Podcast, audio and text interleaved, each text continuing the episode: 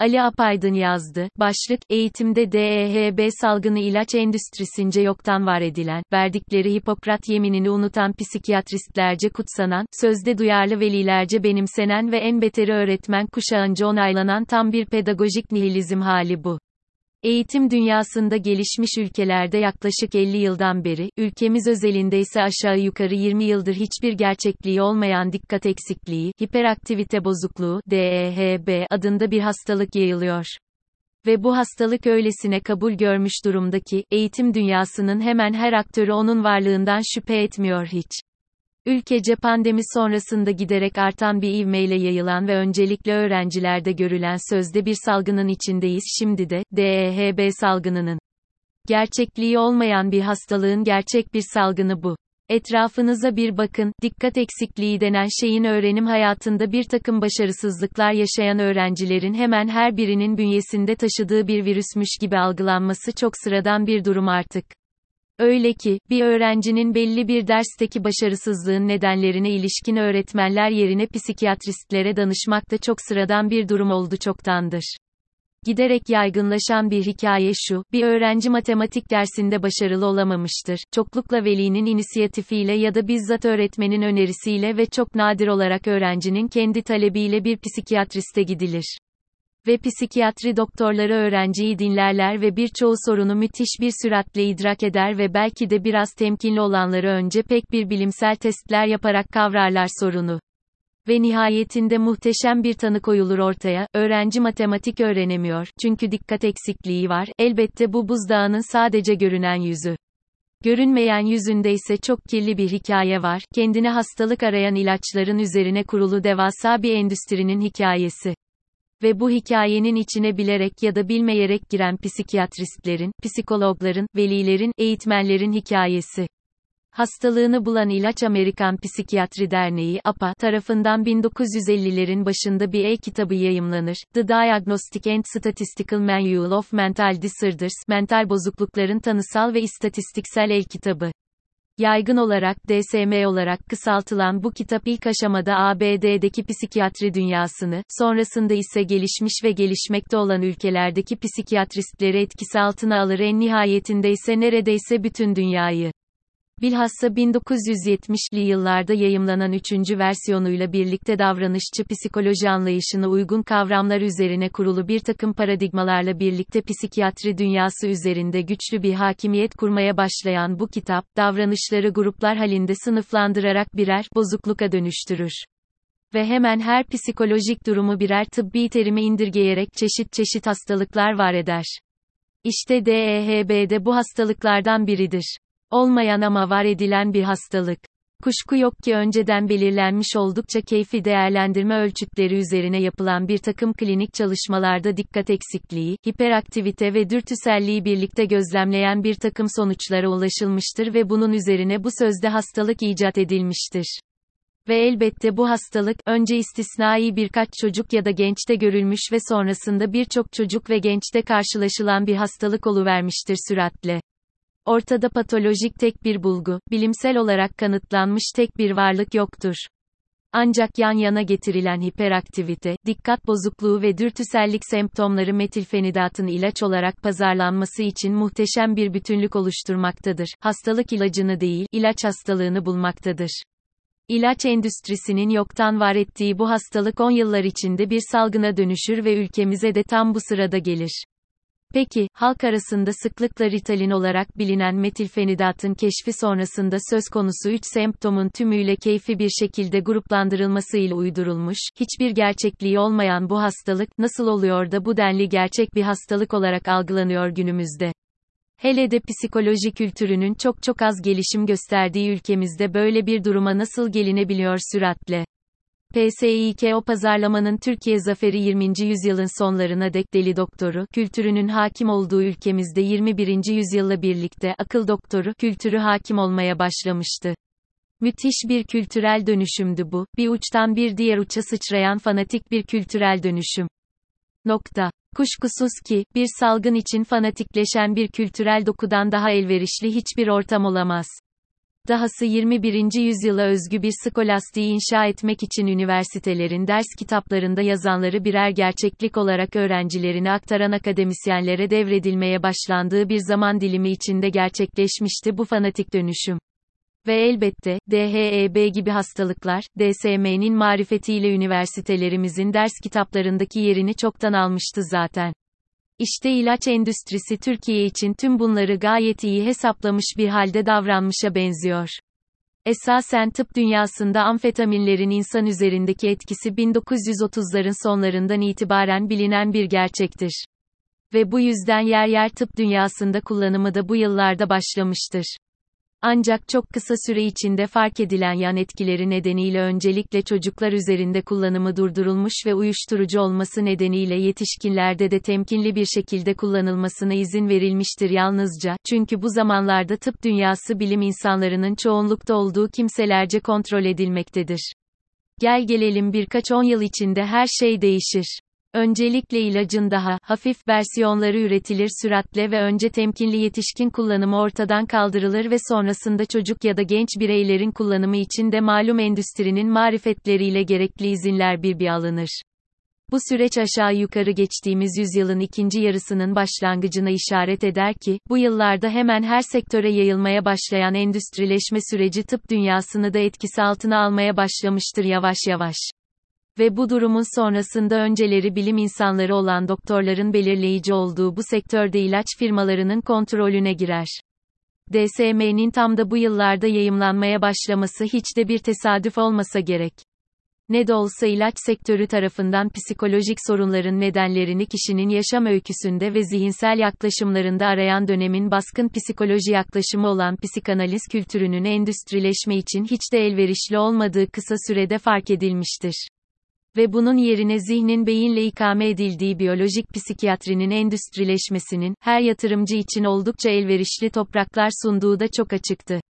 Nihayetinde bu elverişli topraklar beklenen ürünleri verir, beklenen sonuçları veren klinik çalışmalar bir bir ilaçların faydalarını doğrulamaya başlar bu tarihten itibaren ve günümüzde hükmü halen devam eden bu yaklaşım, normal olmayan her davranışın beyindeki bir takım kimyasal dengesizliklerin sonucu olduğunu ve bu dengesizliklerin ilaçlarla giderilebileceği yönündeki argümanlarıyla hemen her uzmanı ikna etmeyi başarır ve elbette ikna olmayanlara yönelik neler yapıldığını ancak şimdilerde öğrenebiliyoruz yeni yeni.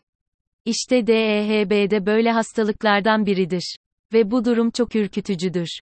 Çünkü günümüze gelindiğinde bile DEHB için uygulanan ilaç tedavilerinin uzun vadeli etkileri hakkında yapılmış çok az çalışma vardır. Yani bu ilaçları kullanan genç insanların hayatlarının devamında ne yaşadıklarına ilişkin, şu anda çok az şey biliyoruz.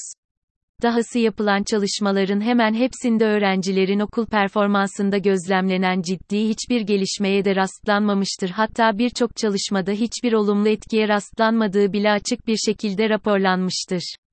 Üstelik tüm bu çalışmalar bizzat psikopazarlamayla bu hastalığı var eden ilaç endüstrisi tarafından finanse edilmesine rağmen bu sonuçlar ortaya çıkmıştır. Tüm bunlara rağmen tüm bu verilerinde bir anlamı yok günümüzde.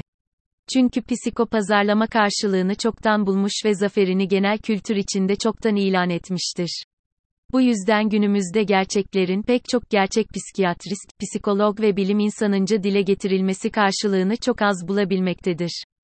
Tıpkı memeli hiçbir hayvanın emzirme dönemi dışında kullanmadığı bir gıda olmasına rağmen geçmişte 10 yıllar boyunca yapılan tıbbi pazarlama teknikleriyle akıl almaz bir şekilde tüketilmeye başlanan süt ve süt ürünleri gibidir durum.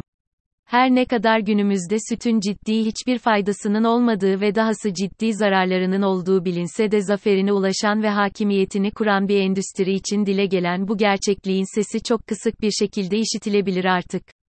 Çünkü gerçekleri dile getiren insanların ses erimleri dört bir yandan yeterince kuşatılmıştır çoktan. Nokta. Evet, metilfenidat endüstrisi süt endüstrisi gibi zaferini ilan etmiş ve kendini gerçeklik yerine ikame etmeyi başarmış bir halde yaşıyor günümüzde. Öyle ki, internette bir arama yaptığınızda binlerce akademik makale bulabilirsiniz onun hakkında. Ya da bir kitap satış sitesine girdiğinizde altında profesörlerin, doçentlerin imzasının bulunduğu yüzlerce kitapla karşılaşabilirsiniz rahatlıkla. Dahası bu kitapları ya da makaleleri okumaya kalkarsanız vahim bir semantik üzerine kuruluşuna benzer ifadelerin karşısında bulabilirsiniz kendinizi. DEHB tanılı bir öğrenci, özel ilgiye, öğrenmesini geliştirmek için desteğe, düzenli bir ortama, kısa ve eğlenceli etkinliklere ihtiyaç duyan bir öğrencidir. Bu öğrenciler için sevildiğini ve faydalı olduğunu hissetmek çok önemlidir. Bu yüzden öğretmen sınıfı canlı ve dinamik tutmalı ve dersleri basit ve somut bir dille, öğrencinin içeriği kolaylıkla anlayacağı şekilde işlemelidir. Bu ifadelerden anlıyoruz ki, özel ilgi, düzenli bir ortam, kısa ve eğlenceli etkinlikler, yararlılık hissi ve benzeri tüm şeyler, tüm öğrencilerin değil de DEHB tanılı öğrencilerin ihtiyacı olan şeylermiş. Öyle mi? Evet, böylesine aptal ve ahmakça açıklamalar tıp literatüründe ciddiyetle yer alıyor artık. Var olmayan bir hastalığın var olan faturaları dikkatimiz dağılabilir ve bu yüzden dikkat eksikliği denen şey bir olgu olarak var olan bir şeydir. Ancak bu durumu aceleci bir şekilde bir hastalık olarak nitelemek asla mümkün değildir. Özensiz bir davranışımız, yorgunluğumuz ya da olası birçok sebepten dolayı dağılması çok olağan dikkat durumumuz, özenli bir davranış, dinlenme ve olası nedenlere karşı alınan eğitsel önlemler sonrasında gösterilen çabalarla yeniden toparlanabilirdi ve sonrasında tekrar dağılabilir ve sonrasında yine yeniden toparlanabilir. Esas budur ve tüm bunlar tümüyle olağan ve olası durumlardır. Formal eğitim süreci öncesinde her öğrenci sevilmek, sevmek, şefkat, ilgi ve yaşamsal endişeler gibi ön öğrenilerini ilk yaşam çevresi içinde edinir. Bu yüzden bu öğrenilerde yaşanan eksikliklerin bir takım psikolojik sorunlara neden olabileceği doğrudur. Ancak bu durum çok nadir olarak hatta vurgulamak gerek, çok çok nadir olarak bir hastalığa yol açar.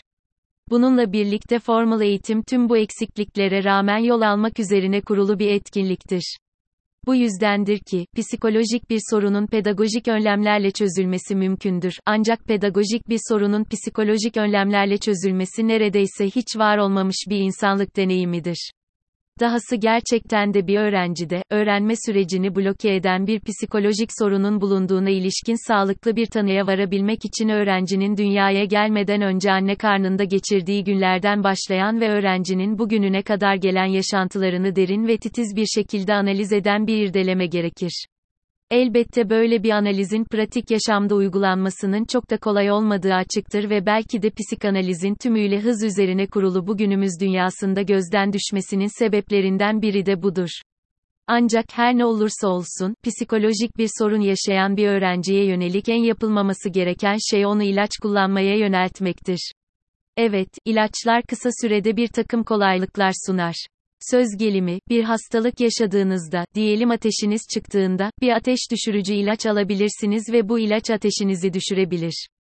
Fakat bu yaşantı deneyiminizden hareketle bedeninizde ateş düşürücü ilaç eksikliği olduğu sonucunu çıkarmazsınız çünkü bu aptalca bir çıkarım olur. Yapacağınız ya da yapmanız gereken tek geçerli çıkarım, kullandığınız ateş düşürücü ilacın mevcut durumunuzun geçici olarak iyileşmesi için işe yaradığıdır ama bu tekrar asla ateşinizin çıkmayacağı anlamına gelmez, çünkü pek çok ilaç gibi, ateş düşürücü ilaçlar da tedavi etmez, yalnızca mevcut anınıza ilişkin işe yarar bir sonuç verir. Bu kadar. Ve bunu her doktor da bilir.